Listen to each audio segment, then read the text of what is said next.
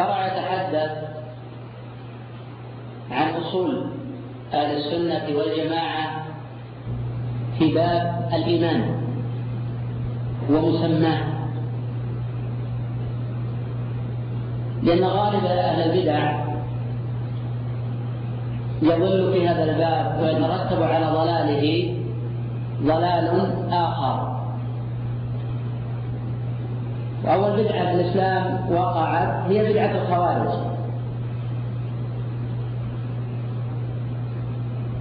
ثم مضادة لهذه البدعة خرجت بدعة المرجئة. وحين ننظر لبدعة الخوارج ولبدعة المرجئة وللجهمية والمعتزلة والأشاعرة هي نتاج الغلط والضلال في باب الإيمان.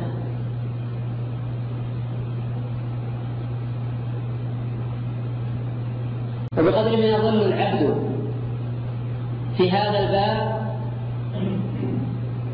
بقدر ما يكثر خلطه وغلطه في الأبواب الأخرى.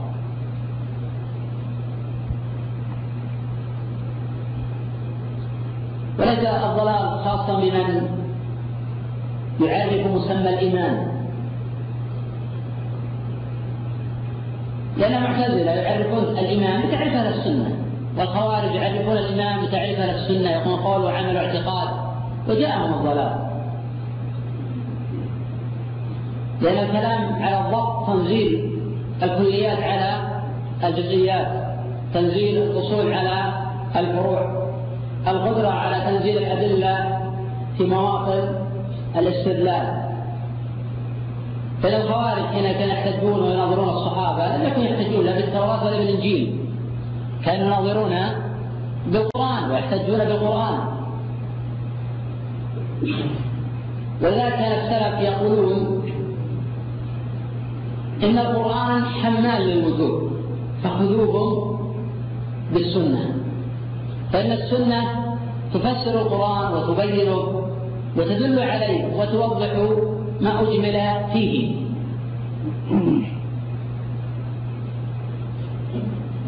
وحقيقة أخرى أنه لا توجد بدعة في الإسلام. إلا ويستدل أهلها بأدلة.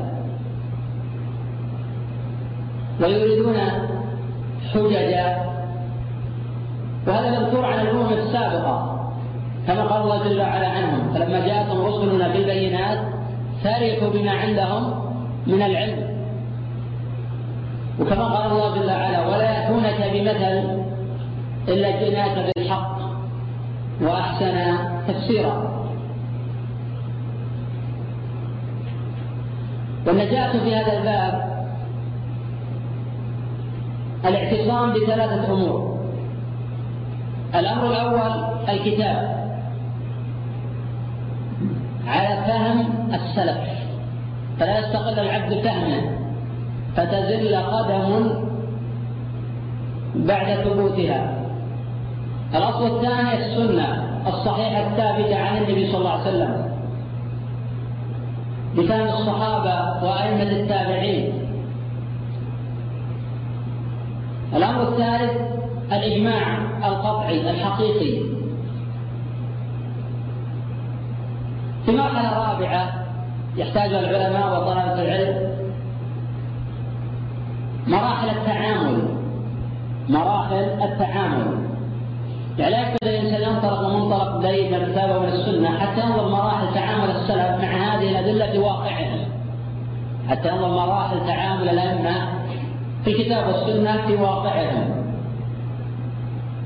وكيف يتعاملون مع الأحداث المشابهة لأحداثكم؟ وهلم جرا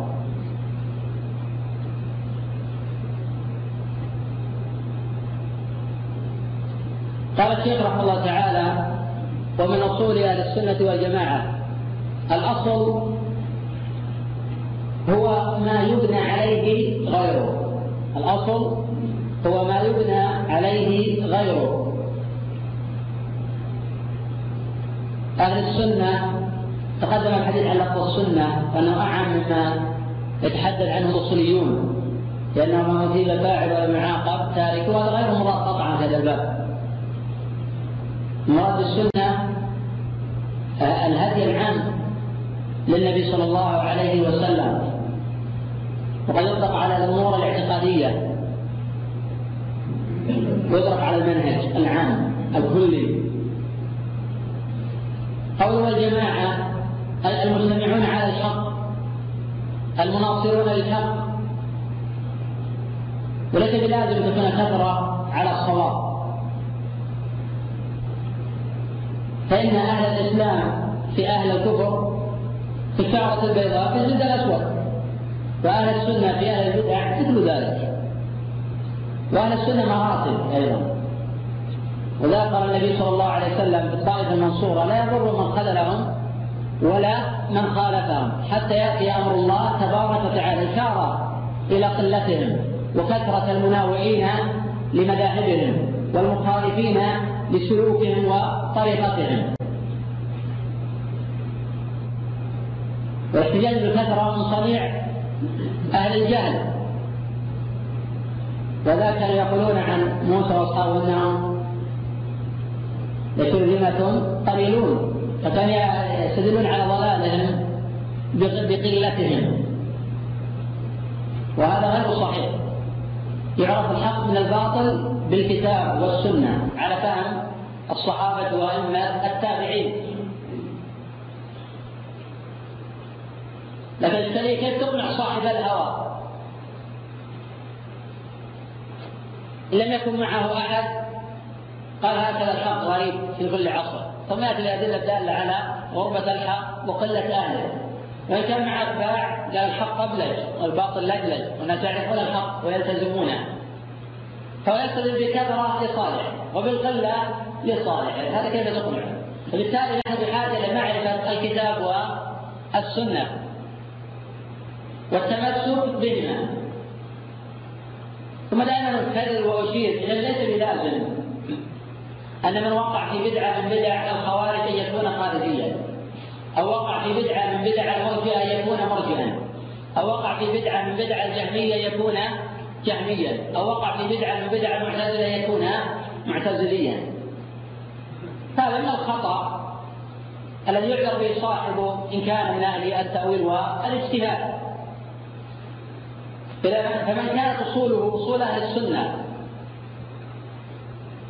ثم ظل في مسألة أو أخطأ في قضية فلينسب إلى أهل البدع. ولم ينسب إلى الخوارج أو ينسب إلى المعتزلة أو إلى المرجئة أو إلى الجهمية. إذا كان يأخذ بأصولهم. ويقدم العقل على النقل أو يقدم النقل ولكن على فهومهم. ولا يأخذ بدلالة الكتاب والسنة على فهم الصحابة رضي الله عنهم. لأن هؤلاء لو كانوا يأخذون بفهوم الصحابة لما حصل لهم من الضلال ما وجد في واقعهم وفي مذاهبهم قوله أن الدين والإيمان قول وعمل. الدين يطلق. أو يشمل الإسلام. والإيمان والإحسان. لأن جبريل حين أتى إلى النبي صلى الله عليه وسلم وسأله عن الإسلام والإيمان والإحسان فماذا قال النبي صلى الله عليه وسلم لعمر؟ أتاكم جبريل يعلمكم أمر دينكم. أمر دينكم. فكان الدين شاملا للإسلام والإيمان والإحسان. فإذا أطلق الدين فإنه متضمن لكل هذه الأمور. وإذا أطلق الإسلام دخل فيها الإيمان. وإذا أطلق الإيمان دخل فيها الإسلام. لأن لا يصح الإيمان إلا بإسلام يصححه. وإذا قرن معا فالإسلام له تعريفان. الإسلام له تعريفان. إسلام عام. إسلام العام. اللي جاءت فيه كل الرسل. يعني لا لا تختلف الرسل فيه. هو المشهور عند الناس اليوم هو إسلام العام. ليس هو الإسلام الخاص. أول الاستسلام لله بالتوحيد والانقياد له بالطاعة والبراءة من الشرك وهذا الإسلام العام الذي اتفقت عليه الرسل. هذا الإسلام العام الذي اتفقت عليه الرسل.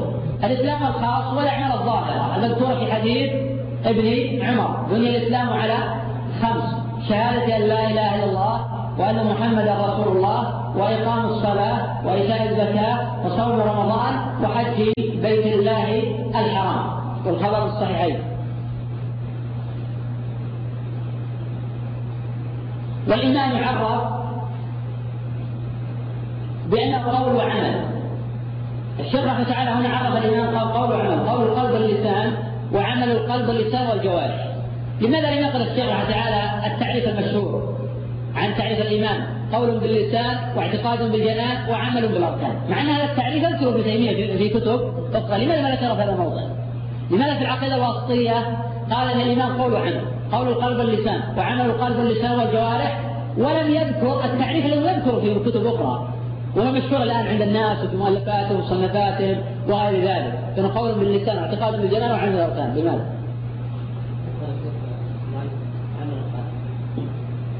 واضح. لكن لماذا ذكر هنا التعريف هناك ما يكون هناك يذكر أيضا. ليش؟ دائما نكرر واذكر ذلك. بداية شرح الرسول ذكر هذا.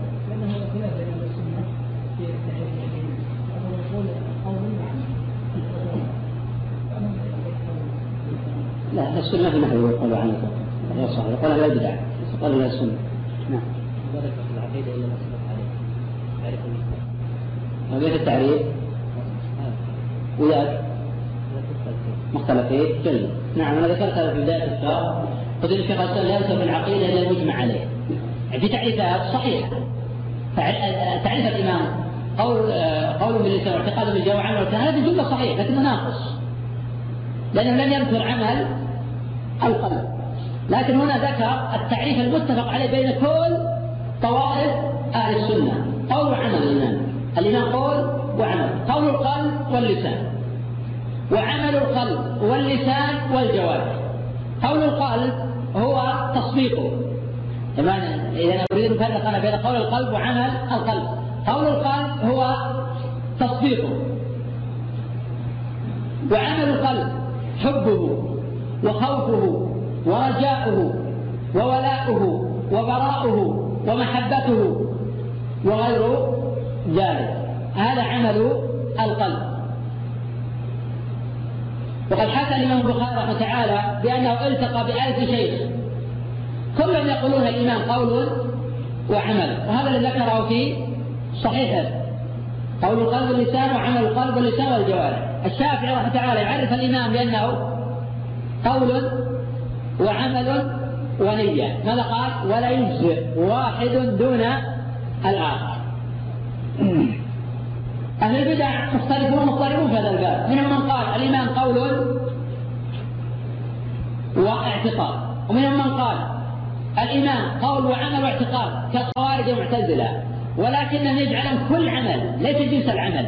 هذا الفرق بينه وبين أهل السنة. وهذا هو السبب الخلط الآن في المرجئة المعاصرين. من يخلطون بين مسمى تعريف الخوارج ومسمى تعريف أهل السنة. الخوارج يقولون والمعتزلة يتابعونهم على هذا أن كل عمل شر بمعنى أن لو زنى. أو شرب الخمر أو أكل الربا كفر وخرج عن أهل السنة لا يقولون جنس العمل شرط الإيمان بمعنى أنه قال أشهد أن لا إله إلا الله وأن محمدا رسول الله ولا يعرف ربه أبدا. مع ما في كلام. أهل السنة يقول يكفر. لماذا؟ لأنه ترك جنس العمل. ما ترك المفردات ترك الجنس. هذا الفرق بين الجنس وبين آه المفردات. هؤلاء الآن الموجودون الآن في عصرنا. المنتسبون طبعا لأهل السنة بالجملة. السبب وقوعهم في البدع الآن والانحرافات إنهم يقولون عن الايمان قولوا عنه مثل تعرف أهل السنة ولكن يقولون اذا لا تفسد عمل ما يكفر طيب إيش فائده تعرف الايمان؟ صار لك صار الايمان قول وعمل واذا ما أتى بالعمل صار مؤمنا. طيب ليش تعرف الايمان هذا التعريف؟ يصير التعريف غلط. ولكن الشافعي يقول ولا يجزي واحد دون الآخر. أرأيت لو أتى بالعمل دون قول هل يسلم؟ لا قد يقول أنا بصلي. لكن لا يمكن في يوم من الأيام أشهد أن لا إله إلا الله محمد رسول الله. قطع بين مؤمن؟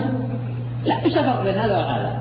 فهذا قلت لكم من أصول الضلال الموجودة في هذا. العصر من طوائف كثيره لا ينتسبون إلى السنة وهم جهمية طبعا في باب آه الإيمان.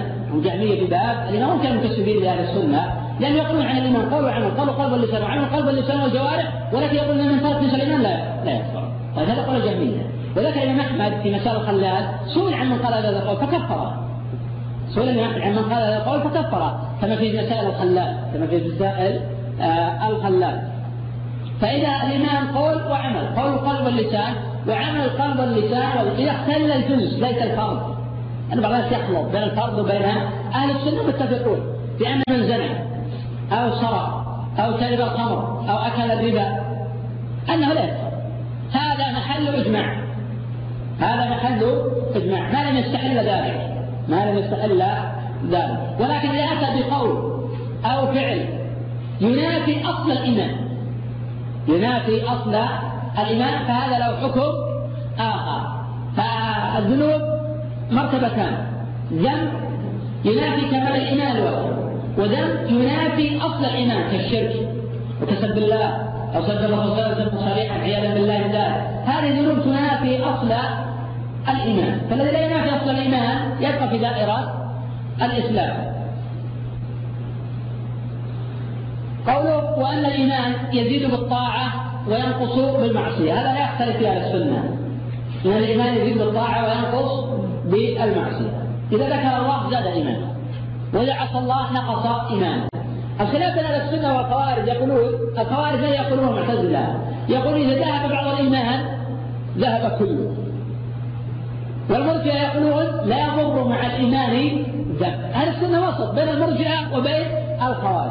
المرجئه يقولون لا يضر مع الإيمان ذنب. من زنى أو سرق لا يتأثر منه. وإيمان ابسط الناس كإيمان جبريل وميكائيل. الخوارج بعكس هؤلاء.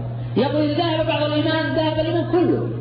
من مات وهو يشرب الخمر هذا يخلد في النار هذا يخلد ولا يترحمون عليه. وهذا ضلال.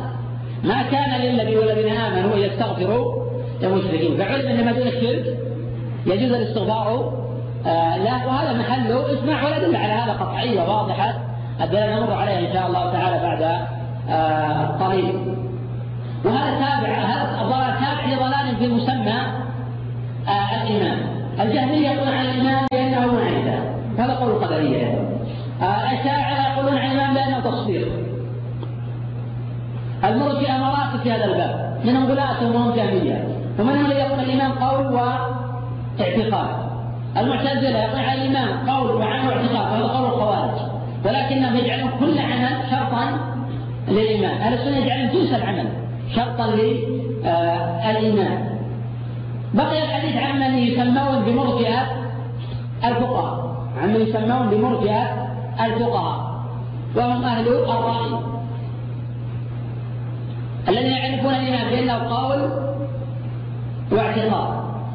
طبعا هذا القول مبتدع. طبعا هذا القول آه مبتدع.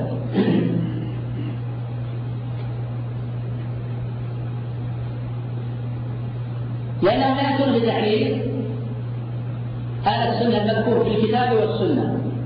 لكن يعذر عمن قال بهذا القول كأبي حنيفة رحمه الله بأنه يقصد بالاعتقاد الذي تنبعث منه أعمال الجوارح إن قال قائل لماذا تعذرون بهذا التعبير؟ الجواب لأن الثابت في مذهب أبي حنيفة أنه يؤثر أصحاب الذنوب والمعاصي. إذا لا يقول بأنه لا يضر مع الإيمان لا هو يقول أبو حنيفة يصرح إرسال الخمر كسر لو كان لا ينظر مع الإمام ذنب ما كسر فعلم أنه يقصد بالاعتقاد الذي تنبعث منه أعمال الجوارح وفي نفس الوقت أهل السنة يخطئونه في هذا التعريف ولكن يعذرون له ما وجد إلى ذلك سبيلا. حسن الظن بمن عرف منهجه وطريقته وشهدت لهم الأمة بالخير هذا مطلب من مطالب الشريعة. هذا مطلب مطالب الشريعة. ولا يضرك أن تعذر عن العالم لأن لا يهم أن نقع العالم أو طالب العلم بالفقر أو أن أن نصعد على كتاب بعضنا. لما غلط يحب أن يخطط يصعد على كتابه هذا غلط. وأن يحب أن يضع كل شخص فريسة لبذاءة لسانه أو سوء طويته أو غير ذلك هذا غلط فما دام هناك سبيل ما دام هناك سبيل للتعبير عن أهل السنة أو العلماء الذين أجمعت الأمة على هدايتهم ودرايتهم وصدقهم فهذا هو المطلب هذا هو المطلب فحينئذ نعبر عن هؤلاء بينما يقول الإمام قول وعمل نقول اللفظ مبتدع اللفظ مبتدع. ولكن نقول هنا يخرجون الاعمال عن مسمى الإمام من كل وجه بدليل أنهم يؤثمون من فعل ذنبا أو ارتكب كبيرة. فكان هذا دليلا أنهم يقصدون بقول آه القلب وعمل القلب الذي تنبعث منه أعمال آه الجوارح. وهذا الذي قاله غير واحد من الأئمة والعلماء في هذا الباب. ولذلك يسميه ابن تيمية رحمه الله مرجئه فقهاء. يسميه ابن تيمية رحمه الله مرجئه فقهاء. وإن كان بعض العلماء يختلف مع ابن تيمية في هذه التسمية ولكن قلت لكم التعبير مطلب فهذا منهج عام سواء كان في المتقدمين والمتاخرين من علم صدقه وعلم مذهبه وكان من أهل آه، السنة وأتى بعبارة موهمة أتى بعبارة موهمة. فمن سلم طويته وحسن قصده وعلم أخلاصه حمل العبارة ومشى العبارة على ما يتوافق مع مذاهب أهل السنة. ولا حرج أن يقول ان كان يعنى بهذه اللفظة كذا فالجواب كذا وكذا. وإن كان يعنى بهذه اللفظة كذا وكذا فالجواب كذا وكذا يعني هذا جيد. وإن كان يقول لا إنه يقصد كذا وكذا مباشرة. للتوضيح من والدفاع عن قصد ما يوجد جوابا اخر يقل بما هو ظاهر من لفظه أو آه كلامه. ولذلك روي عن عمر وهو قول ابن سيرين وجماعة لا تظن بكلمة خرجت من أخيك المسلم شرا. وأنت تجد لها في الخير محملا وأنت تجد لها في الخير محملا فإذا وجد محمل الكلمة فهذا مطلوب. ما وجد محمل يبين أيضا بأدب واحترام للآخرين. لأن يجب التفريق البعض ما يفرق الآن. في كل شيء يفرق في كل اموره إذا هجر سوى المسلم بالكافر وإذا غضب سوى السني بالمبتدع ينبغي ان نفرق بين هؤلاء وهؤلاء اذا اردنا أن نعامل كل شخص بغلطه فنحن هو من نحاسب على أغلاطنا. فنحن هو من نحاسب على دون أن يحاسب آه، غيره وبقدر ما يعدل الإنسان على الاخرين وبقدر ما يحمل كلام على احسن محمل بقدر ما يتعامل معه الناس في هذا المنهج. لأن الله جل وعلا يسخر له آه، عبادة. فهذا هو توجيه لقول آه، أبي حنيفة رحمة الله تعالى في مساله الإيمان. فهو كذلك لا يغلط تعالى اللفظ غلط. اللفظ غلط. الإيمان قول وعمل. قول القلب واللسان وعمل واللسان والجوارح من قال الإيمان قول واعتقاد هذا غلط. هذا غلط. هذا قول أهل البدع في الجملة. ومن قال به من مما ينسب إلى أبي حنيفة فنقول يقصد الاعتقاد الذي تنبعث منه اعمال الجوارح. لكن يشير إلى مسألة مهمة. طوائف من أصحاب أبي حنيفة من المتأخرين لا يقولون بهذا التأويل. بل يقولون بأن الايمان قول واعتقاد يخرجون الاعمال عن مسمى الايمان وهذا قول عامة الماتريدية. وهذا قول عامة الماتريدية. والماتريدية المعاصرون هم على مذهب الأشاعرة في الايمان وعلى مذهب أهل البدع. وذلك يقعون في الشرك بسبب خللهم في باب آه، الايمان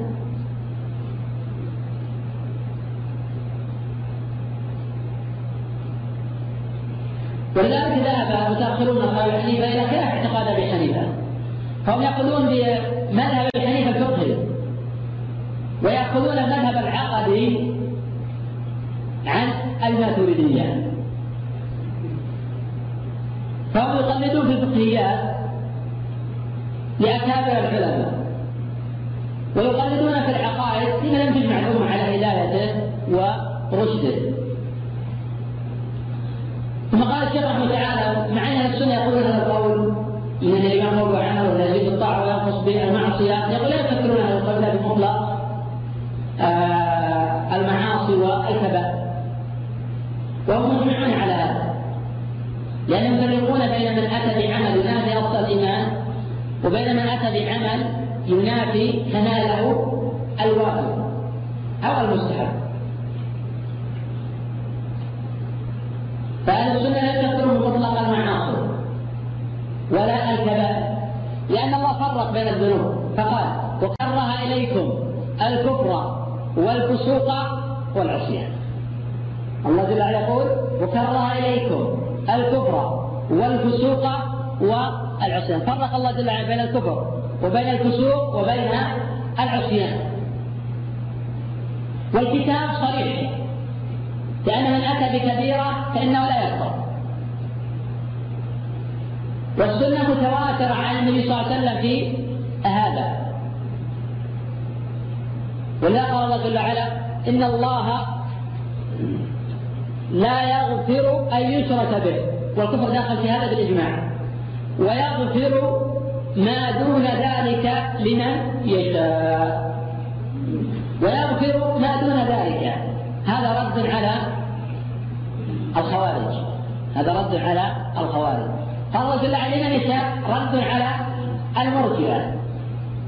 آية واحدة تمثلت بحقيقة مذهب أهل السنة وبالرد على الخوارج والمرجئة. آية واحدة. والله كله لكم صريح في هذا من تأمل و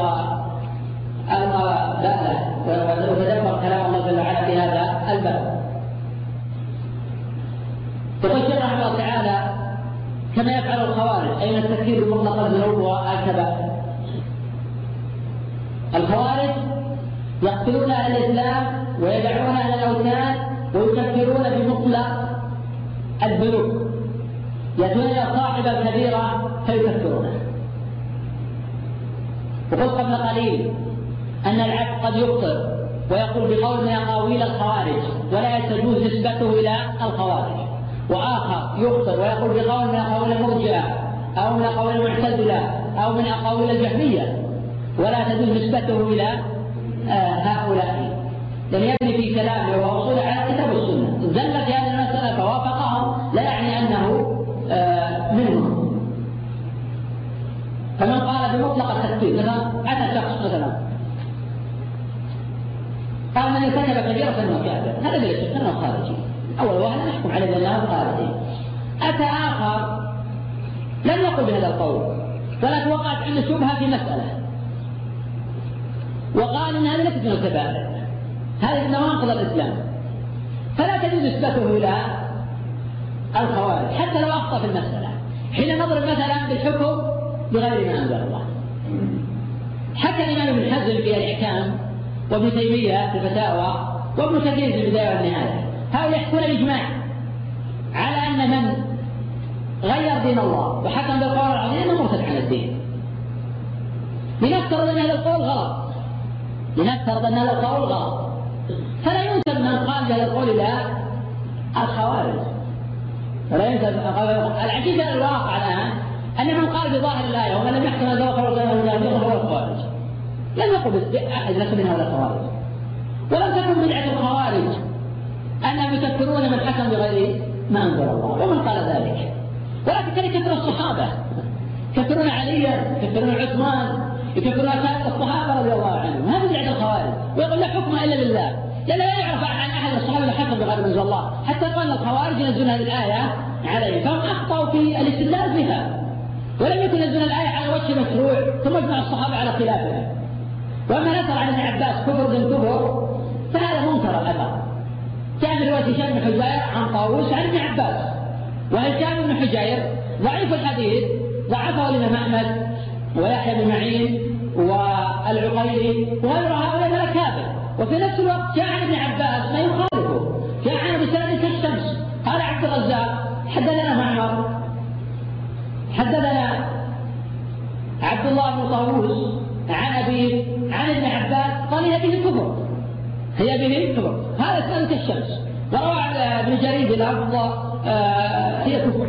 هي به أو هي كفر. بمعنى الآية على اطلاقها الآية على إطلاقها وأن الكفر كما قال ابن تيمية عن أهل اللغة وعن العلماء الكفر إذا عرف بالألف واللام لا يحتمل إلا الأكبر. لا يحتمل إلا الأكبر. وفي نفس الوقت من قال بأن هذا كفر دون كفر ولم يظهر له مسألة. وكان عن اجتهاد. وعن بحث وعن اطلاع. ولم يكن عن خبث طويلة ولا عن فساد ولا عن تأصيل فاسد. وكان يقول هذا الذي يوصل إلى اجتهاد إذا نقول عنه بأنه من العلماء الأرجاء لأنه بعد المسألة وصبر وسعة وظل في هذه القضية خلاص إجماع أئمة السلف في هذه لا نقول عنه بأنه مرجي لكن يقال عنه بأنه مرجي لو قال إن كل عمل لا يكفر به أحد. نقول لكن لو قال لا أنا ما أقول بهذا القول. يقول إني أقول هذا الجهمية ولكن ليقول ابن عباس هذا يقول صحته فأنا أقول بقول ابن عباس ليس من باب أنه عمل. لأن بعض المعاصر يقول أنه عمل. وبالتالي يقول لأنه عمل. هذا مرجئ كقائل الآن يقول ترك الصلاة لا يكفر. لأن الصلاة عمل. لا يكفر نقول هذا مرجئ لكن لو قال آخر أنا لو تركت الصلاة بظهور الأدلة عندي. كما قاله أبو حنيفة وقاله مالك وقاله الشافعي. لا نقول عن هؤلاء بأنهم مرجئة. فرق بين من يقول بهذا القول لأنه عمل وبين من يقول بهذا القول لأنه آه، ظهر له آه، دليل. هل ينبغي أن نفرق؟ بين من يقول بمقتضى الدليل اللي ظهر له وإن كان وبين من يقول وينزل هذه المسائل على أنها أعمال المسلمين يكفرون بالعمل. ليش يكفرون؟ لأن محل إجماع عند أهل السنة سواء كان العمل ايجابيا بمعنى يفعل أو كان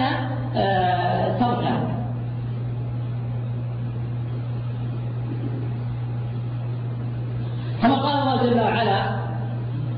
أي أن القوة التي ثابتة مع وجود الكبائر والمعاصي فمن عفي له من أخيه شيء فاتباع بالمعروف. عفي له من أخيه مع وجود فالكبائر. سماه الله وقتا.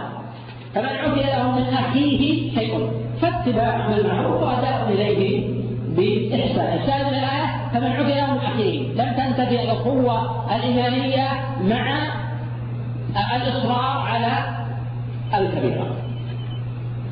وهذا يختلف في أهل السنة الجماعة ويقول ذلك مسألة أخرى. أن من قتل مؤمنا متعمدا لا يكفر. أن لا يكفر هذا يختلف فيه أهل السنة والجماعة أيضا. لأن قتل النفس ليس من نواقض الإسلام. قتل النفس بدون حق أو قتل النفس المعصومة هذا من الذنوب والمعاصي وليس بكفر بإجماع المسلمين. لأن لا يكفر أحد إلا إذا حل الحرام عليه. يقول شيخ الإسلام ابن تيمية رحمه الله في أن تتابع. وهذا لفظ باللفظ يقول من حلل الحرام المجمع عليه أو حرم الحلال أو المجمع عليه أو بدل الشرع المجمع عليه فإنه كافر مرتد باتفاق الله فإنه كافر مرتد المصيبة الآن في العصر أن من قتل يكفر ومن بدل لا يكفر. فهم يعكسون الإجماع. شيخ الإسلام يقول من حلل الحرام المجمع عليه. أو حرم الحلال المجمع عليه. أو بدل الشرع المجمع عليه فإنه كافر مرتد باتفاق الفقهاء آه، آخر درس لو ذلك هذا إن شاء الله نقف على الإسلام وهي قاعدتان يعني هذا لا يكون تسمينا أنه نواصل آه، الدرس نعم. هذا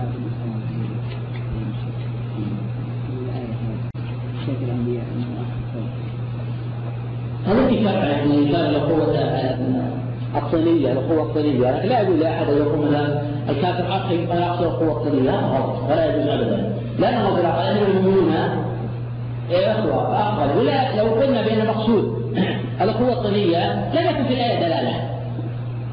فمن عثر له أخيه ليس شخص والله من الخوارج ويقول هذه قوة طينية فيبقى في الإسلام فرق بين القوة الإسلامية والقوة. القرآن كله في هذه الشريعة المحمدية. إذا أطلقت الأخوة الأخوة الإيمانية. أما الأخوة الطينية فلا علاقة لها سواء فسر الآية ولا عدل قام هدى في الأخوة الطينية أو أنه من نسبهم أو أنه كان أقل الآن لا يهمنا هذه الأخوة هي خارجة عن نطاق الأخوة الموجودة في شريعتنا.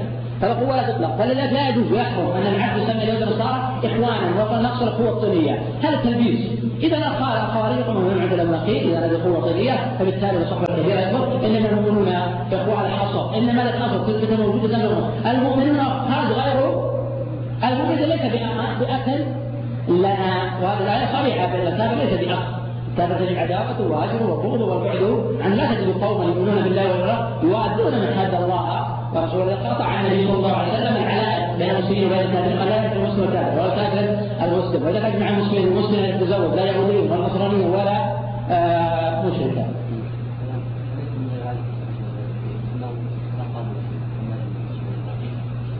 هو طبعا لن يعني حديث رحمه الله على ذلك القوه ولا يفهم من كل واضح سواء اخذنا ذلك من الفقه الاكبر اذا صح نسبه الكتاب اليه أو من توفي عنه في هذا آه، الباب اما الاثار موجوده في بعض كتب أهل السنة في ذهب حنيفه وغير ذلك فبعضها طبعا قد تكون نتيجة آه، غلط أو آه، مغلوطه وسند ضعيفه والانسان قد يفسد على ما أتاه الله جل وعلا. فهكذا الامام الشافعي واحمد بن حنبل وكذا السلف يثنون على ابي حنيفه ويعرفون له قدره وهذا ابن تيميه على أرحام حين هذه المسائل لم يرد عنه لفظ واحد في الفتاوى. إنه لم ابا حنيفة وإنه ذكر عنه هذا الارجاء وسماه ارجاء فقهيه ونحن نتعامل معه بالعدل. الذي اوجبه الله جل وعلا في هذا الباب ومقتضى هذا الباب. اما من نقل عن ابن حنيفه أنه قال كما ذكر ذلك عن عبد الله بن محمد وغيره في كتب الولاء انهم كسروا المعرفه التاريخ من قبل صلى الله هذا غلط. أبو حنيفة ثابت عن الإسناد صحيح أنه كفر من قال قال قال اما من حكى عن أبي حنيفة بانه يقول عبدت الله وعبدت النعم لا يختلف هذا يقول المسلم معاذ الله يقول آه، حاد الناس بهذا هذا يعبد الله ويعبد المعنى كل واحد هذا معنى الله. لا يقول المخلص عبد الله جل وعلا وهو حديث أكبر إن يقول هذا القول الضال المنهج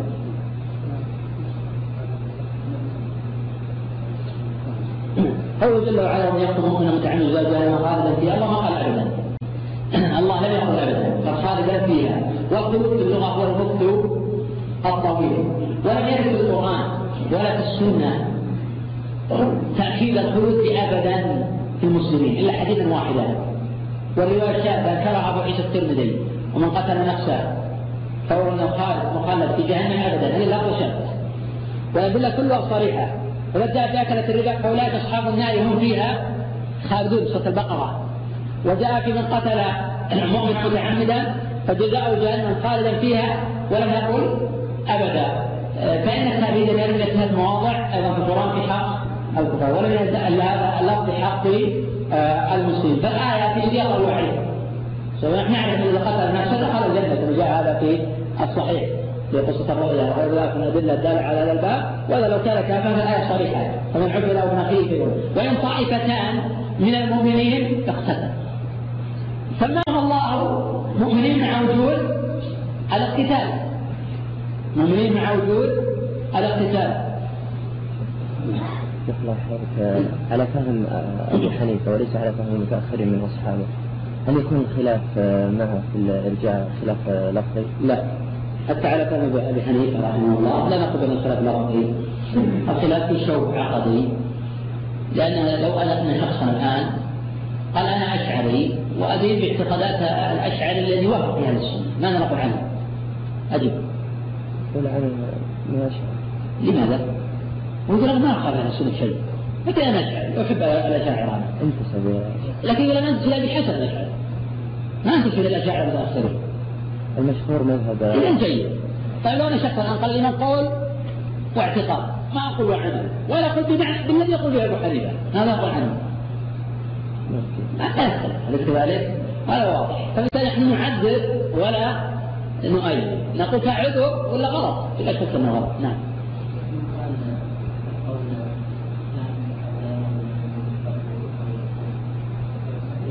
هذا مثل صحيح. الترمذي رحمه الله حدثنا قتيبة بن سعيد قال حدثنا بشر المفضل عن الجريري عن عبد الله بشقيق العقيلي كان أصحاب رسول الله صلى الله عليه وسلم لا يرون فيها أن تكفر الكفر إلا الصلاة. يقصد ذلك الحصر لأنه لا يختلف العلم ان من عبد غير الله انه مشرك. هذا من الأعمال. وأما التارك فلا يختلف الصحابة ان من جحد أو منع الزكاة وقطع منه كفر وذلك أجمع أبو بكر والصحابة كلهم. وكما قال في الصحيحين وكفر من كفر من العرب. سبب كفرهم؟ القتال على مانع الزكاة. ولذلك العلماء يقولون من احتمى بشوكة من احتمى بشوكة. وامتنع عن أداء ركن مكان السنة ويذكر بذلك. نعم. مع أن سوف إن شاء الله مزيد بحث إن شاء الله في الدرس القادم. هذا نقل الخميس في والسبت إن شاء الله. والله العام لكن نوافق بقوه بعض المسائل تعالى هذا نعم. نعم نعم تختلف عن عبد الله. عبد الله تختلف عن جار الله. تختلف عن عبد اللطيف. فرق. فرق بين الفرق. العبد اللطيف إذا قال فلان عبد اللطيف. طبعا في عبد اسمه عبد اللطيف المفروض يقولون آل عبد اللطيف. آل عبد اللطيف. هذا أصل لغة العبد اللطيف غلط لغة وغلط معنى الغرض لغة لأنه يقول الآن إضافة يكون من باب المضاف المضاف إليه. أما قلت العبد اللطيف توهم أن العبد هو اللطيف. واللطيف اسم من أسماء الله وأنت تريد التعبيد هذا طبعا ما يقصدون لكن يوضح هذا الباب. أما جعل الله وضيف الله وأمد الله وتحدثت أيضا عن أسماء الموجودة الباكستانيه والافغانيه جميل الرحمن سميع الله واحدا أنا قلت إن هذه أسماء جامدة. هذه أسماء جامدة لا يقصدون حقيقتها هذه اسماء يعني بمعنى غير مشتقة. معنى غير مشتقة. فالاسماء جامدة مركبة أسماء جامدة مركبة لا يقصدون آه، حقيقتها. أسماء جامدة مركبة لا يقصدون حقيقتها. فبالتالي ما أعرف من يعني مشهور في ذلك غلط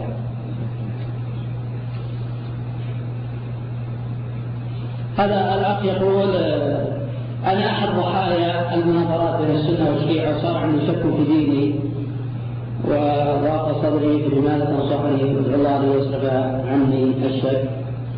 والله دائما في مواضع طبعا اسال الله جل وعلا أن يهدي ويوفق لكل خير وأن يشرح صدره للحق ولكن دائما أنا اوضح أن المناظرة الاولى الآن قائمه كانت مستقله ضعيفة جدا. تحدثت عن مناظره قائمة جديدة الآن قائمة عن ابن تيميه وقديما كانت عن وقديما كانت من السنة والرابطه ليس من السنة كل بدون استثناء هم من يعني ليسوا على مستوى علمي راقي يمثلون السنة في الاسلام يمثلون ابن تيميه أو يمثلون أهل السنة ليسوا بذلك في العلم والقوة والاطلاع والمعرفه وليس على دراية آه، في كلام ابن تيمية رحمه الله تعالى. وبالتالي هؤلاء يخطئون ويخلطون حتى أن بعضهم يعني يوم ثلاث أيام هنا اعترض معترض عن قول ابن تيمية عن معتزله الشاعر من خليفة المعتزلة قال ابن تيمية يحكي ولا يقول ذلك. كان ابن الخليفه نعرفه عن اللوط ونحو ذلك. هذا يعني هذا يعني بالله عليكم هذا شخص يمثل أهل السنة في الرضوان ويمثل الحق. اولا ابن نعم اللي قال هذا ليس نقلا ابن تيمية اللي قال هذا يقصد الخليط في اللغة الخليط. الخليط في اللغة الخليط. هم ما يفهموا هذا عن اللطيه فالمسألة السنة ما يفهم ذلك. هذه مصيبة كبيرة وطامة عظيمة. أن يتبنى شخص نص ابن تيمية أو قضايا السنة ومثل في قضايا أهل السنة. خليط في اللغة خليط خليط اللغة تجيب عن شعر خليط أهل السنة صحيح هم خليط عفوا خليط المعتزلة. بمعنى هم أخلاق هؤلاء وأنصار هؤلاء ولكن بتو جديد وصياغة آه، مستقلة. وآخر لما سبق تحدثت معكم لما تكلم عن ابن تيمية في مسألة الصورة. الله خلق على صورة انتدب بعض هؤلاء عن ابن تيمية يقول إن هؤلاء السنة يخالفون ابن تيمية. ما هو صحيح؟ ابن تيمية حتى الاجماع ولا في أحد أهل السنة يخالف في هذا. وبالتالي المناظرات اولا اللي يقومون بها ليسوا يعني على قدر مستوى عالم العلم وانت عندهم حسن يعني عقيدة حسن قصد ولكن لا ينفع هذا الباب حسن القصد حسن ما عنده علم الانسان يعتزل ولا يخوض القضايا أنا مثلا الذي يدلق حدث معكم إنه ضال منحرف الذي جل قال الضال منحرف ولا يعرف مذاهب السنة والذي يروج برامجه ولو على حساب هدم اصول أهل السنة والجماعه الامر ما يتعلق بمناظره السنة والرافضه تحدثت عنها في وقتها وفي حينها وأن المناظرة تكون على شقين، الشق الأول يبين يبحث عن الحق. هذا يناظر بينه وبين السنة ولا يعرف في جهة العامة، أما اللي يريد يشوي فتحوا مناظرة سواء خاصة أو عامة، ودليل على أن النبي صلى الله عليه وسلم ماذا قال إذا رأيت الذي يتبعون سنن فاحذريهم ما قال فناظريهم قال فاحذريهم إذا في طبقة من الناس لا يحق لهم. لا مناظرة. ولا استماع مناظرة ولا غيره. لا يجب علينا الحذر الحذر. فعائشة على قدرها وعلى علمها وعلى قدرها ما قال النبي صلى الله عليه وسلم لها كناظريهم الفحذريهم. فأولئك الذين سمى الله. عمر كان قادرا على مناظرة الصبيب حين كانت عمر ذاريات ضرها ولكن عمر رضي الله عنه فهم منه أنه يريد التلبيس على العامة فنزل على المنبر وأخذ السره وعلى رأسه. وأدمى رأسه فنظر عمر رضي الله عنه ثم نفى إلى العراق. وكتب إلى عامل أبي موسى الأشعري آه، أن احبسه ولا تبعث إلينا حتى يطيب فلما آه، طاب طبعا من الأوهام وليس من الداء فلما طاب من الأوهام كتب آه، أبو موسى الأشعري إلى عمر بشأنه وقال ابعث إلينا فلما بعث إلى عمر ما ترك إلى عمر. لأن هذه عقائد الله يقول الفتنة شدوا من القتل استعظم الضحايا الان والقتل وكتب المسلمين استعظم من هدم العقائد وهدم الأفكار. لأن قول الفتنه شدوا من القتل لأن تعظمون الدماء. لكن لماذا لا تعظمون ما هو أعظم من الدماء؟ الذي يحمل الافكار في الصحف والجرائد عليه الله وشره وشر حمله واحدة لماذا يترك ويحارب الطرف الآخر؟ وبالتالي الفتنه أشد من القتل. ماذا قال عمر؟ قال عد عدنا ان عد عد فهذا يريد الخلل بالتالي انصح الأخوة يبتعدوا عن ذلك. وأما فيما يتعلق بالاخ في كونه اصبح ضحية فأنصح بقراءه الكتب التي تنصر في ذلك جيدة ونافعة. في باب آه، حقيقة بين حقيقة الرافضة بدأت كتاب ابن عشرية ومطبوع بثلاث مجلدات ولا تعليق التقريب بين السنة والرافضة وهو مطبوع بمجلدين ومؤلفات أيضا حسان الله ظهير جيدة ونافع محلفات أيضا آه، الجبهان جيدة ونشطت أيضا آه، الحربي جيدة ونافعة في هذا الباب نسأل الأخوة بقراءتها والاستماع إليها.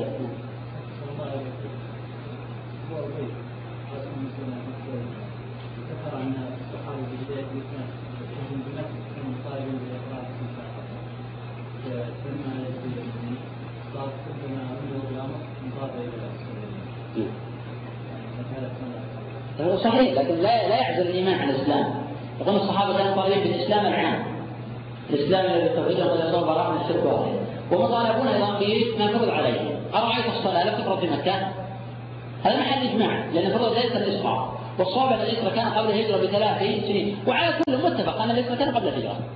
والصلاة فرضت ليلة الإسلام كانوا مطالبين بها وهذا من الإسلام. والإيمان آمن الرسول من ربه والمؤمنون. كل آمن بالله وملائكته وكتبه ألم يكونوا مطالبين بذلك؟ كانوا مطالبين بذلك ولكن يقصد أنه يعني ما يتجدد له وهو الاستكمال.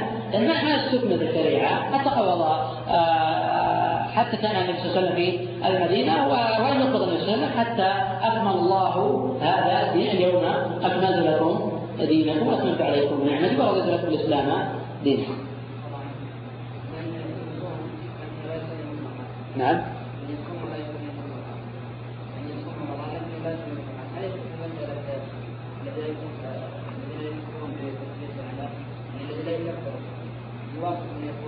لا لا هم يقولون تكتس العمل ترك الجنس. بمعنى يكتب إلى محمد رسول الله ولا يصلي ولا يصوم. أما لو أن شخصا يكتب إلى محمد رسول الله وحج ويصلي ولم يصوم هذه مساله أخرى نعم جنس العمل اي جنس الجنس الكلي يعني. الله يحفظك لا شك أن المرجع في أصول العقيدة كتاب السنة وفهم السلف. لكن من أجل تصحيح الرواية أو تضعيفها وفهم هذا الأمر ذكر صاحب نظم المفردات. أيضا موجود في كتب الأصحاب في آه، الإيمان والنذور أن الإمام أحمد يرى رواية أن الإمام أحمد آه، يرى جواز الحلف بالنبي. صحة الرواية. طبعا ما يعني. يتنافى يعني دائما أكرر ما تكلمت قبل قليل. قلت إن العالم لا يسال الغلط سواء كان الإمام أحمد أو من قبل الشافعي أو من قبل مالك أو من قبل أبو حنيفة. ولا يسلم من الغلط أحد. قد يخطئ صحابي من اكابر الصحابة. نحن نعرف أن عمر امتنع عن قتال المرتدين حتى ناظر أبو بكر ولم يقتنع. ثم قال عمر كما إذا رأيت الله شرح صدر أبي بكر فعرفت انه الحق. مثل الانسان العالم قد لا يظهر له الحق ولكن لا نطالبه بما نرى. نحن نمضي بما نرى وفيما نعتقد بما نرى صوابا. ولا نطالب الآخرين بموافقتنا.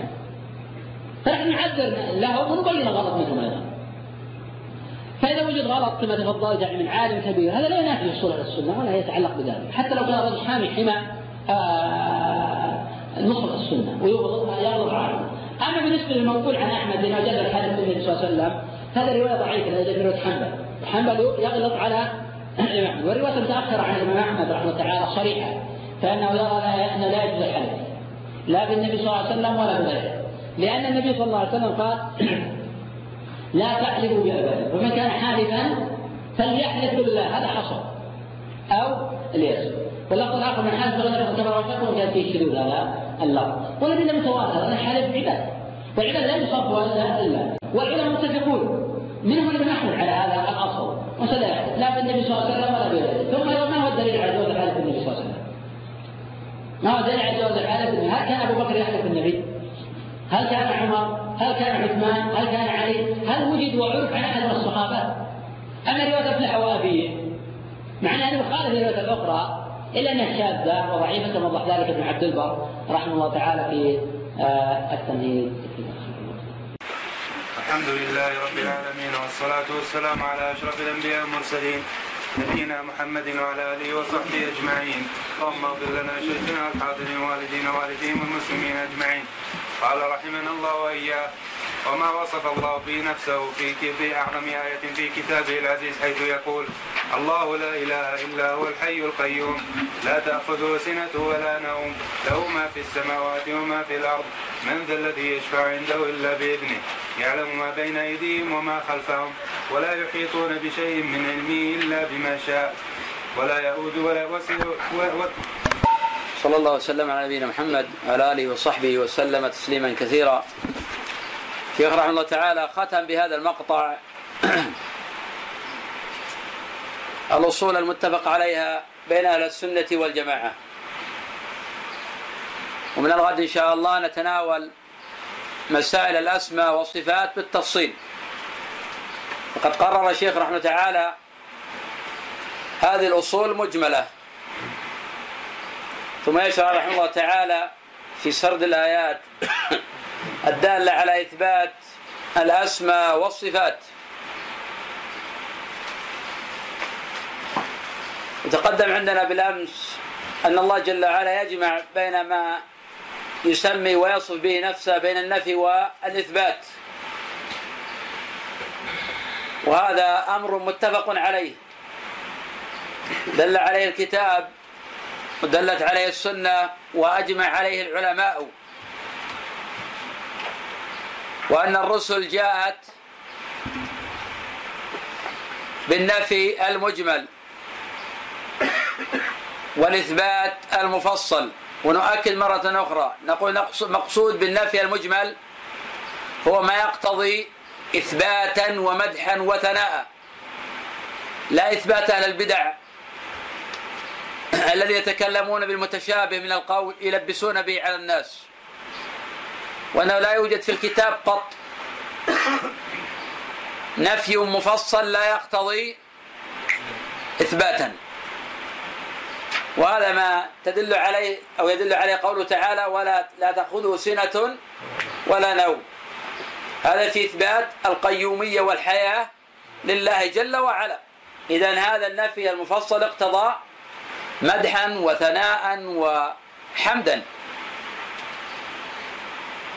الشيخ رحمه الله يقول قد دخل في هذه الجملة ما وصف الله به نفسه في أعظم آية. ما هو الدليل أن هذه الآية؟ أعظم آية في القرآن. الشيخ يقول في أعظم آية. وصية أو نصيحة الشيطان لأبي هريرة رضي الله عنه. بس ما في إنه هذا أعظم آية. هذا في آخر. يزال عليك من الله حافظ. ولا يقربك شيطان حتى تصبح. ما حتكلم حتى يصبح نعم. أعظم آية. انت رجعت الشروح؟ شرح نعم. شرح. وهي اليوم. لا شرح. لا اشرح. شرح مهم نعم. حديث أبي بن كعب؟ إن النبي صلى الله عليه وسلم ما هي أعظم آية في القرآن. نعم. قال النبي صلى الله عليه وسلم لأبي بن كعب أبا المنذر أي آية أعظم في كتاب الله؟ ماذا قال؟ الكرسي. الله لا إله إلا هو الحي القيوم. قال يهنك العلم أبا المنذر. هذه أعظم آية في القرآن. وقد جزم غير واحد من العلماء أن فيها اسم الله الأعظم. الذي إذا سئل به أعطى وإذا دعي به أجاب وإذا استرحم به رحم. وإذا استغفر غفر وإذا استفرج فرج وإذا استرضي رضي. وقد جاء عند أحمد والترمذي وجماعة حديث بريدة أن النبي صلى الله عليه وسلم سمع رجلا يقول اللهم إني أشهد أنك أنت الله لا إله إلا أنت الأحد الصمد الذي لم يلد ولم يولد ولم يكن له كفوا أحد. فقال النبي صلى الله عليه وسلم لقد سألت الله باسمه الأعظم الذي إذا سئل به أعطى وإذا دعي به أجاب. وجاء عن غير واحد من الصحابة منهم ابن مسعود. أن اسم الله الأعظم في سورة البقرة وآل عمران. سورة البقرة في هذه الآية سورة آل عمران في أولها. الله لا إله إلا هو الحي القيوم. لأن في هاتين الآيتين أعظم كلمة وهي كلمة الإخلاص. قال الله جل وعلا الله لا إله إلا هو الحي القيوم. الله هذا اسم الله الأعظم. قدم عندنا بالأمس أنه أعرف المعارف قصة لسبويه والرؤيا التي رؤيت له. بقوله الله أعرف المعارف. لا إله لا نافية للجنس. إله أي نافيا كل ما يعبد من دون الله. فلا إله براءة من الشرك والمشركين براءة من الكفر وأهل الكفر. وبراءة من كل عدو لله جل وعلا. لا هو الخبر مقدر تقدير لا إله حق إلا الله. قال الله جل وعلا ذلك بأن الله هو الحق وأنما يدعون من دونه الباطل أن الله هو العلي الكبير. وهذه الكلمة فيها نفي وإثبات. الإثبات إلا هو. هذا إثبات. إثبات العبودية لله جل وعلا والوحدانية له. فلا يصح الإثبات بدون نفي ولا النفي بدون إثبات. ومن ثم قال النبي صلى الله عليه وسلم من قال لا إله إلا الله وكفر بما يعبد من دون الله حرم ماله ودمه وحسابه على الله. خرجه مسلم في صحيح من حديث مالك الأشجعي عن أبيه. وهذا من أعظم ما يبين معنى لا إله إلا الله. فإنه لم يجعل التلفظ بها عاصمة للدم والمال. بل ولا معرفة معناها مع لفظها بل ولا الإقرار بذلك. بل, بل ولا كونه لا يدعو إلا الله وحده ولا شريك له. بل لا يحرم دمه ولا ماله حتى يضيف إلى ذلك الكفر بما يعبد من دون الله. فإن شك أو توقف لم يحرم دمه ولا ماله. قوله الحي القيوم. الحي اسم الله وصفته. وهذا أحد الأسماء المثبتة عند الأشاعرة أيضا.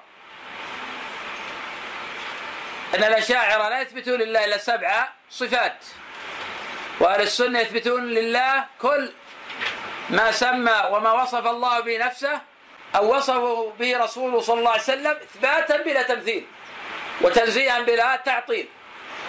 ما هي الصفة السبع يثبت الأشاعرة؟ العلم العلم والحياة والحياة والقدرة والقدرة والسمع والسمع والبصر والبصر وال العلم والحياة والقدرة والسمع والبصر والكلام. والكلام باقي واحد. نعم. الإرادة والمشيئة. هل إثبات الأشاعرة للصفات السبع كإثبات أهل السنة؟ كإثبات أهل السنة الأشاعرة أهل السنة ولا أهل البدع الأشاعرة؟ البدع وأهل الضلال نعم. نعم. لا يثبتون. لا يثبتون إثبات أهل السنة. لأنهم عندهم شيء من التفويض. طيب إثبات السبع ماذا يعني؟ ونفي ما عداها. كيف نحاجه؟ إذا أردنا خاصم الأشعري. كيف نحاج الأشعري لأن إحنا قلت أن دائما لازم الحديث على الأشاعرة لأنهم الأكثر شيوعا. وذلك الجميع جميع الجامعات الآن في العالم الإسلامي تدرس المذهب الأشعري ما عدا الجامعات في بلاد تدرس مذهب أهل السنة. والبقية يدرسون المذهب الأشعري. ويسمونه مذهب أهل السنة. ما يسمونه مذهب الأشاعرة. قلت لكم إذا قال النووي في شروحه والقرطبي والمازري والعز بن عزيز قال أهل السنة يقصد الأشاعرة ما يقصد أهل السنة لتعرف علماء الأشاعرة لأن يسمون أنفسهم أهل السنة هم. كيف نرد عليهم؟ نرد عليهم كما أثبت الصفات السابع. يلزمه يثبتون لأنه يقول ما عدا ذلك يقتل تشبيها أو تمثيلا نقول كما أثبتوا هذه بلا تشبيه بلا تشبيه؟ يثبت طيب بلا تشبيه. وإذا كان يقتضي الإثبات الآخر بتشبيه إذا يعني أن إثباتكم في تشبيه. فلا بد من ذلك فلا بد من التناقض أو إثبات ما أثبته الله جل وعلا لنفسه. الله لا إله إلا هو الحي القيوم. القيوم القائم بنفسه وقام به غيره وماذا يعني القيوم؟ القيوم اسم اسماء الله طبعا. وصفة أيضا من صفاته. ماذا يعني؟ قائم بنفسه قائم بغيره. ما في شيء آخر يعني؟ كمال ال- ال- دوام الحياة. نعم في كمال؟ قيام على اي هذه مقتضيات هذا الاسم. ما في شيء آخر نعم. يعني في إثبات أيضا القدرة لله إثبات الإرادة لله جل وعلا إثبات المشيئة لله جل وعلا. لأن إذا أثبتنا الاسم نثبت المقتضيات المتعلقة بذلك. ولذلك من أعظم العبودية لله أن تتعبد الله بمقتضيات الأسماء والصفات. حين تعلم أن الله قدير تراقب الله في قدرته. تعلم أن الله سميع تراقب الله أن الله يسمعك. ان تعتقد أن الله بصير تراقب الله. ما تعصيه وهو يراك؟ تراقب الله في هذه الأسماء تعمل آثارها في حياتك.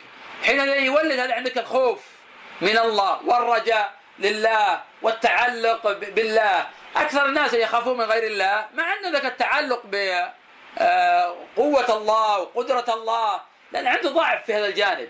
لو كان عنده إيمان قوي بقدرة الله عرف أن الله سيكفي كل شيء. فلما الخوف المخلوق. وأنت تعلم تعلم أن الله على كل شيء قدير. وكما قال النبي صلى الله عليه وسلم ابن مسعود يعذب عبده. لله أقدر عليك من قدرتك على عبدك. إلى أن أعتق والحديث في مسلم. فالإنسان يعلم هذه الاشياء تعبد الله جل وعلا بأثارها يتولد عنده الإيمان القوي والر- والراسخ واليقين والثبات على هذه الع- العقائد الثابتة. لا تأخذه سنة ولا نوم. لا تأخذه سنة ولا نوم. السنة النعاس ويقل النوم. فهذا من النفي المفصل. ولكن قلنا يقتضي مدحا وثناء واثباتا. هذا يقتضي الحياة لله جل وعلا والقيومية لله جل وعلا. له ما في السماوات وما في الأرض. في هذا نفي النقائص عن الله لأن النوم من النقائص عن الله لله جل وعلا فلا نثبت لله جل وعلا. بل نفيه. قال صلى الله عليه وسلم إن الله لا ينام ولا ينبغي له أن ينام. رواه مسلم في صحيحه. والله يقول لا تأخذه سنة ولا نوم. له ما في السماوات وما في الأرض. في إثبات قدرة الله جل وعلا. يعلم ما بين أيديهم وما خلفهم. في إثبات العلم لله جل وعلا. وإحاطة بكل شيء. قال الله جل وعلا ذلك لتعلموا أن الله على كل شيء قدير وأن الله قد أحاط بكل شيء علما. ولا يحيطون بشيء من علمه. نفى الله جل وعلا عن العباد. أن يكونوا أن يكونوا أن يكونوا محيطين بشيء من علمه إلا بما شاء. قال الله جل وعلا وما تشاءون إلا أن يشاء الله رب العالمين. وسع كرسيه السماوات والأرض. ثبت عن ابن عباس بسند صحيح عند الدارمي في رد على المريسي أن الكرسي موضع القدمين. وهذا قول ابن عباس لا مجال للاجتهاد فيه ولا يقال من قبل الرأي. وإسناده صحيح. إثبات عظمة الله جل وعلا. في إثبات الصفات لله جل وعلا.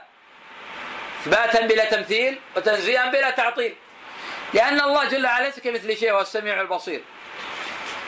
يعلم ما بين الخلق ولا يحط في إلا من وسع كرسي السماوات والأرض ولا يؤوده حفظهما. شيخ فسر ولا يؤود حفظهما قال لا يكرثه ولا يثقله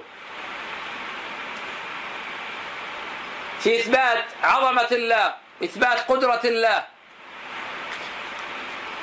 وفي إثبات حفظ الله جل وعلا. وهو العلي العظيم. علو القدر وعلو الشرف وعلو الذات. وهذا هو الفيصل بين أهل السنة وبين أهل البدع. جميع الطوائف المنحرفة بدءا بالأشاعرة. وانتهاء بالجهمية. لا يثبتون علو الله على خلقه. ولا يؤمنون باستوائه على عرشه. يفسرون الاستواء بالاستيلاء. الله مستولى على كل شيء. لماذا يخص العرش بذلك؟ ولا يثبتون علو الله على خلقه.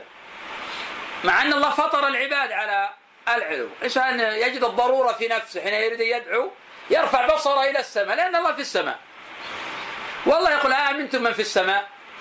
النبي صلى الله عليه وسلم قال للجارية أين الله؟ أين الله؟ ماذا قالت؟ قالت في السماء. قال اعتقها فإنها مؤمنة. اعتقها فإن استدلني بإيمانها على إثبات العلو. حتى أهل الجاهلية في جاهليتهم حين تنظر في أشعارهم يثبتون علو الله على خلقه. هذا أمية وقد مات على شركه. قال مجد الله فهو لمجد أهل. ربنا في السماء أمس كبيرا.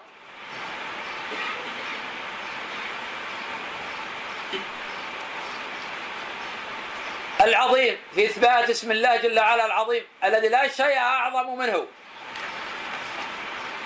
فاسمه العظيم وصفته العظمة.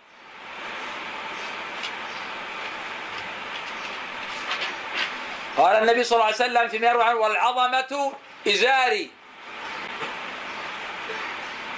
ومن عرف بأن الله عظيم لاذ بجنابه وتعلق به وفوض أمره إليه وتوكل عليه ولجأ إليه وأناب إليه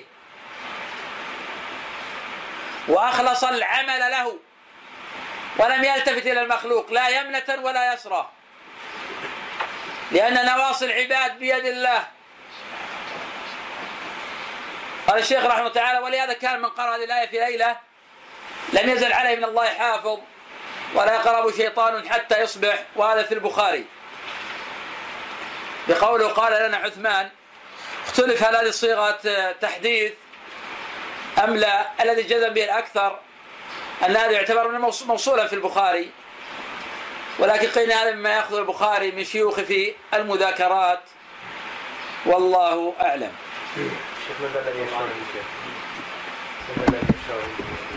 أما قوله تعالى من ذا الذي يشفع عنده إلا بإذنه؟ أي لا أحد يشفع عنده إلا بإذنه. كما قال الله جل وعلا فلله شفاعة جميعا. قال الله جل وعلا ولا يشفعون إلا لمن ارتضى. فالشفاعة شفاعتان. شفاعة تطلب من الله جل وعلا. وشفاعة تطلب من غير الله. في طلب الشفاعة من الميت. هذا شرك. شفاعة ما تطلب إلا من الله جل وعلا.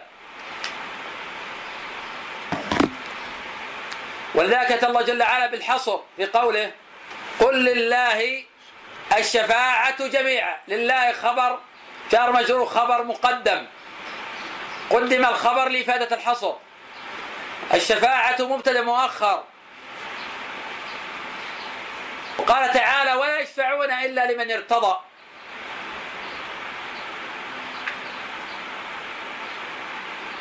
الله لا يرضى من الأقوال من الأعمال إلا ما كان خالصا وابتغي به وجهه. قد قال النبي صلى الله عليه وسلم لأبي هريرة وقال أبو هريرة أي الناس أسعد الناس؟ آه، آه، أي الناس أسعد؟ بشفاعة قال من قال يا الله خالصا من قلب رواه البخاري في صحيحه. فأسعد الناس بالشفاعة هم أهل التوحيد وأهل الإخلاص. والسلام على نبينا محمد وعلى آله وصحبه وسلم تسليما كثيرا. أورد هذه الآيات لبيان بأت الإرادة والمشيئة لله جل وعلا. وهذه الصفة إحدى الصفات السبع المثبتة عند الأشاعرة. ونكرر فإن إثبات الأشاعرة ليس كإثبات أهل السنة والجماعة. فنحن معاشر أهل السنة نثبت لله الأسماء والصفات ونثبت لله كل ما سمى به نفسه أو وصفه به رسول محمد صلى الله عليه وسلم إثباتا بلا تمثيل وتنزيها بلا تعطيل. فمن الأدلة على إثبات المشيئة لله جل وعلا قوله تعالى ولولا إذ دخلت جنتك قلت ما شاء الله ولولا بمعنى هلا. يعني هلا إذ دخلت جنتك يعني بستانك. الجنة هنا المقصود بها البستان. قلت ما شاء الله.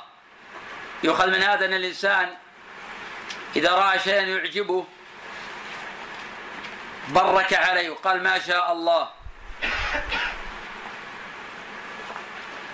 وقول قلت ما شاء الله.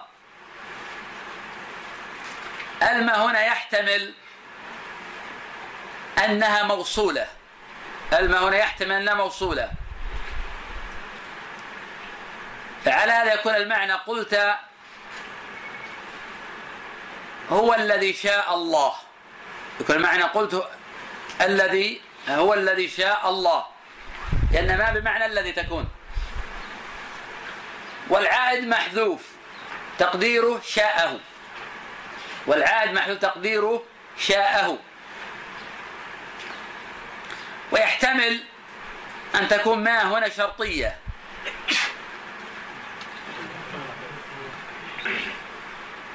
وجواب ما شاء الله كان. ما شاء الله كان. شاهد من الآية ومن ذكرها قلت ما شاء الله في إثبات المشيئة لله جل وعلا. فنحن نثبت ذلك لأن الله أثبت ذلك لنفسه. فلا نمثل ولا نكيف ولا نحرف ولا نعطل.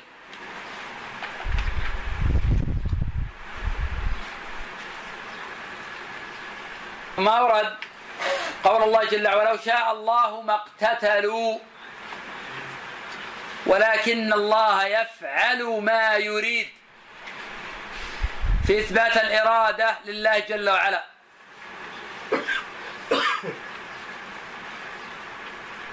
فما شاء الله كان وما لم يشأ لم يكن.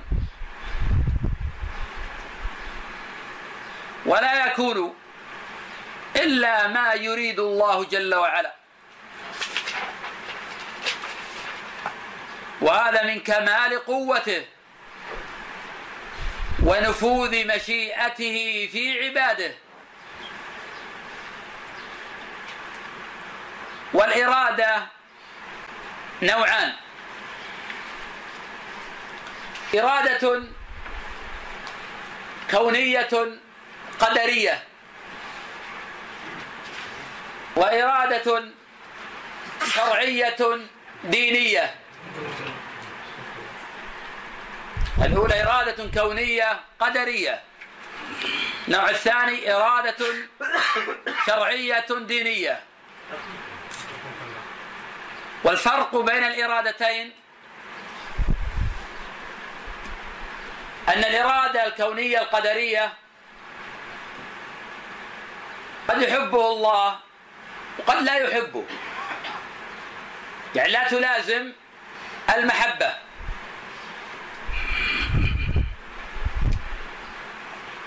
والإرادة الشرعية الدينية تلازم المحبة. فما أمر الله به فإن الله يحبه.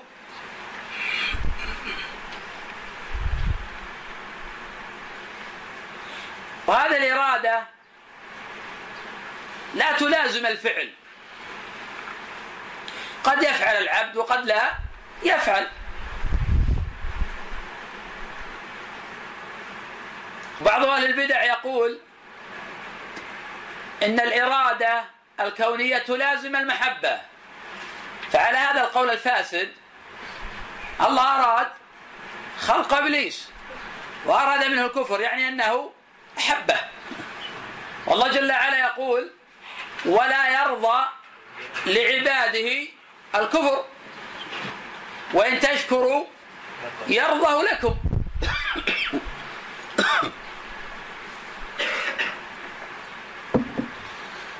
ثم أورد قول الله جل وعلا أحلت لكم بهيمة الأنعام وهي الإبل والبقر والغنم. هذه بهيمة الأنعام. إلا ما يتلى عليكم أي مما استثني كقوله تعالى حرمت عليكم الميتة والدم ولحم الخنزير. الآية. قول غير محل الصيد. هذا استثناء منقطع. ما الفرق بين الاستثناء المنقطع وبين الاستثناء المتصل؟ ما الفرق بينهما؟ هذا قلنا استثناء منقطع. اولا لماذا قلنا استثناء منقطع؟ لماذا صار هنا الاستثناء منقطعا ولم يكن متصلا؟ إذا كان منقطعا أدخل ما بعده فيما قبله إذا كان متصلا. متصلا. إذا كان منقطعا لا. طيب هذا منقطع ولا متصل؟ هذا منقطع. لماذا؟ إلا لأنه ما بعدها لا يدخل فيما قبلها. لأن الصيد ليس من بهيمة العين. لأن بهيمة العين لا تدخل في الصيد. يعني لا يحل لكم الصيد وأنتم حرم. إذا هذا استثناء منقطع. إن الله يحكم ما يريد هذا الشاهد.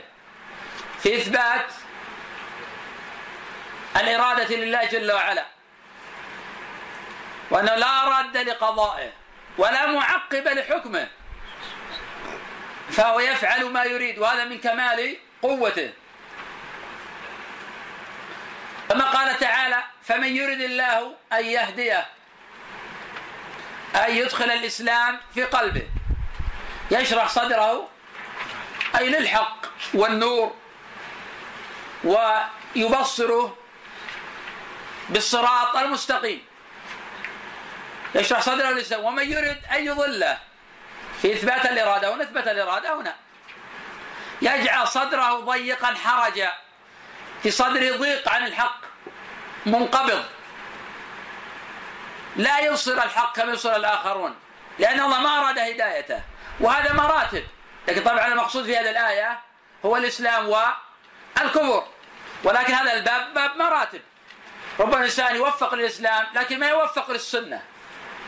ربما يوفق للإسلام والسنة ولكن ما يوفق لفعل الواجبات ترك المحرمات. ربما يوفق للإسلام والسنة وفعل الواجبات وترك المحرمات لكن لا يوفق في ترك المكروهات وفعل المندوبات. وهذا فضل الله يؤتيه من يشاء والله ذو الفضل العظيم. ولا في الآية إثبات الإرادة ومجموع هذه الآيات الأربع نستفيد منها إثبات توحيد الإلهية إثبات توحيد الربوبية وإثبات توحيد الأسماء والصفات. من من أين أخذنا توحيد؟ نبدأ بالأسماء والصفات. الآيات الأربع مجموع. لأنه تتحدث عن المشيئة والإرادة. القوة هذه الصفة الآن أخذنا الأسماء والصفات ولولا إحنا الآن نعم. هذا المشيئة والإرادة هذه صفات لله جل وعلا. إذا في توحيد الأسماء والصفات فمن ذلك الإرادة. طيب أخذنا القوة. منين أخذنا القوة؟ مع أن ما ذكرت القوة هنا. ولولا دخلت الجنة قلت ما شاء الله لا لا قوة. أي يتبرى من حول من قوة إلا قوة. بالله. معنى هذا في إثبات قوة. لكن لو لم ترد هذا في الموضوع الآخر ولو شاء الله ما اقتتلوا. ولكن الله يفعل ما يريد. في إثبات الفعل لله جل وعلا. والفعل هل يكون بدون قوة؟ لا. يكون. إذا في إثبات القوة لله جل وعلا. توحيد الأسماء والصفات طيب أخذنا منه توحيد الربوبية. كم أخذنا من هذه الآيات توحيد الربوبية؟ من الإرادة؟ الإرادة لا تكون متعلقة. الإرادة متعلقة بربوبيته والقوة متعلقة بربوبيته ولا قلنا لكم إن جاحد القدرة إنه قد لا يعذر. لا يعذر ابدا لا بتأويل ولا لانها متعلقة بربوبيته فهذا جاحد توحيد الربوبية هذا. قال إن الله ما يقدر على شيء. هذا يكون مسلما؟ ما يمكن. لأن هذا متعلق بالربوبية فهو منكر وجاحد للربوبية. طيب توحيد الإلهية. الآن الأخوان جابوا ما شاء الله. أن الآيات متضمنة مقتضية للإمام توحيد الأسماء والصفات توحيد الربوبية. بقي توحيد الإلهية. أنا قلت أن الآيات فيها جميع معاني التوحيد. فمن يريد الله يهديه فمن يريد الآيات ما معنى توحيد الإلهية؟ آيات مجموعة الآيات الأربع في دلالة كلها. من أول إلى آخرها في دلالة على توحيد الإلهية. لا إله إلا الله. نعم. لا إله إلا الله. ما شاء الله. لا إله إلا الله. ما فيه لا إله إلا الله. وقوة إلا بالله. طبعا ما شاء الله. لا إحنا قلنا الدلالات في ثلاث. ما هي؟ دلالة مطابقة ودلالة تضمن ودلالة التزام عرفها بسرعة بسرعة. المطابقة دلالة المطابقة دلالة الدليل على كل معناه دلالة التضمن دلالة الدليل على بعض المعنى. دلالة الالتزام دلالة الدليل على أمر لازم المعنى وإن كان خارجا عنه. يعني إذا ما كيف نستنبط الآن آه، توحيد الإلهية؟ حلت لكم بهيمة الأنعام الحل والحرمة عبادة. طيب أنا أخذ كل الآيات ما قلت من آية واحدة. أنا أخذ كل الآيات من أولها إلى آخرها. تدعو على توحيد الإلهية. التزام يا شيخ. نعم نعم بالالتزام. كيف أخذنا الالتزام؟ إن الله سبحانه وتعالى وضح. هو ما دام إن الله هو القوي ويفعل ما يريد اذا هو هو المعبود الواحد. نعم نعم. ما دام إن الله هو القوي. وقدرته نافذة في كل شيء. وما دام إن الله فعال لما يريد. ومن الله ج... نعم. الهادي ماذا؟ الهادي وما دام إن الله جل وعلا هو الهادي وأن لا قوة إلا بالله فإذا الله جل وعلا هو المعبود ولا يستحق العبادة سواه. ولذلك في القرآن كثير يستدل الله جل وعلا بتوحيد الربوبية على توحيد الإلهية. أول آية في القرآن من يأتي بها استدل الله على المشركين بتوحيد الربوبية. يا أيها الناس اعبدوا ربكم الذي خلقكم. والذين من قبلكم لعلكم الذي جعل لكم الأرض فراشا والسماء بناء وأنزل من السماء ماء. فأخرج به من الثمرات رزقا لكم. هذا كله توحيد ربوبيه استدل به عليهم على توحيد الإلهية.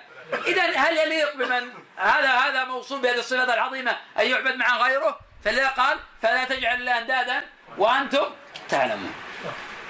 هذا استدلال بتوحيد الربوبية على توحيد الإلهية. اذا بدلاله الالتزام نستفيد من هذه الآيات آه، كلها على توحيد الإلهية. في فرق بين المشيئة والإرادة مترادفتان وهذه الصفة من المفارقات أو من الفروق الكبيرة بين أهل السنة وبين أهل البدع. فإن أهل السنة يثبتون لله جل وعلا هذه الصفة إثباتا بلا تمثيل وتنزيها بلا تعطيل. لأن الله جل وعلا قد وصف نفسه بالمحبة. فنحن نثبت لله ما أثبته لنفسه. إثباتا بلا تمثيل وتنزيها بلا تعطيل. لأن الله جل وعلا ليس كمثله شيء. لا في ذاته ولا في صفاته ولا في أفعاله وهو السميع البصير. قد نظم ابن القيم رحمه الله عقيدة أهل السنة في هذه الأبواب فقال لسنا نشبه وصفه بصفاتنا. إن المشبه عابد البهتان كلا ولا نخليه من أوصافه إن المعطل عابد البهتان كلا ولا نخليه من أوصافه إن المعطل عابد البهتان من شبه الرحمن العظيم بخلقه فهو الشبيه لمشرك نصراني.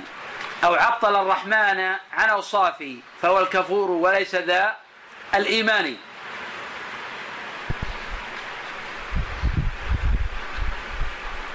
ومن ثم تواترت الأحاديث عن النبي صلى الله عليه وسلم في إثبات هذه الصفة. كحديث سهل بن سعد في الصحيحين أن النبي صلى الله عليه وسلم قال لأعطين الراية غدا رجلا يحب الله ورسوله ويحبه الله ورسوله. وقد شرق بهذه الصفة طائفتان. طائفة ينكرون صفة المحبة مطلقة ويقولون أن الله لا يحب أحدا ولا يثبتون لله جل وعلا هذه الصفة. وأول من قال ذلك هو الجعد ابن درهم. وقد قتله خالد القسري. ونظم هذا المعنى ابن القيم رحمه الله في النونية فقال ولذا ضحى بجعد خالد القسري يوم ذبائح القربان. إذ قال إبراهيم ليس خليله كلا ولا موسى الكليم الداني. شكر الضحية كل صاحب سنة. لله درك من أخي قرباني وهذا لا يمنع يكون أيضا خالد القصري مبتدعا ضالا. وهو الذي بنى بيعة لوالدته لتعبد النصرانية فيها. ولكنه قد أحسن في هذا الجانب.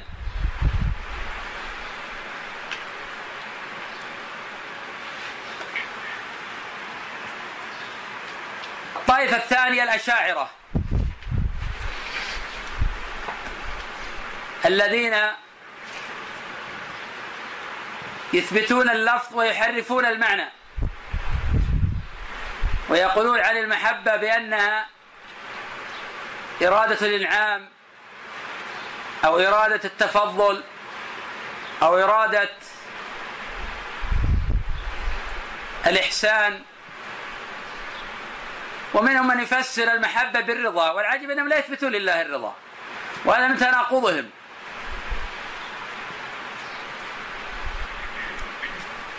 الله جل وعلا يقول وأحسنوا إن الله يحب المحسنين وأقسطوا إن الله يحب المقسطين. ذكر الشيخ رحمه الله عدة آيات في هذه المسألة.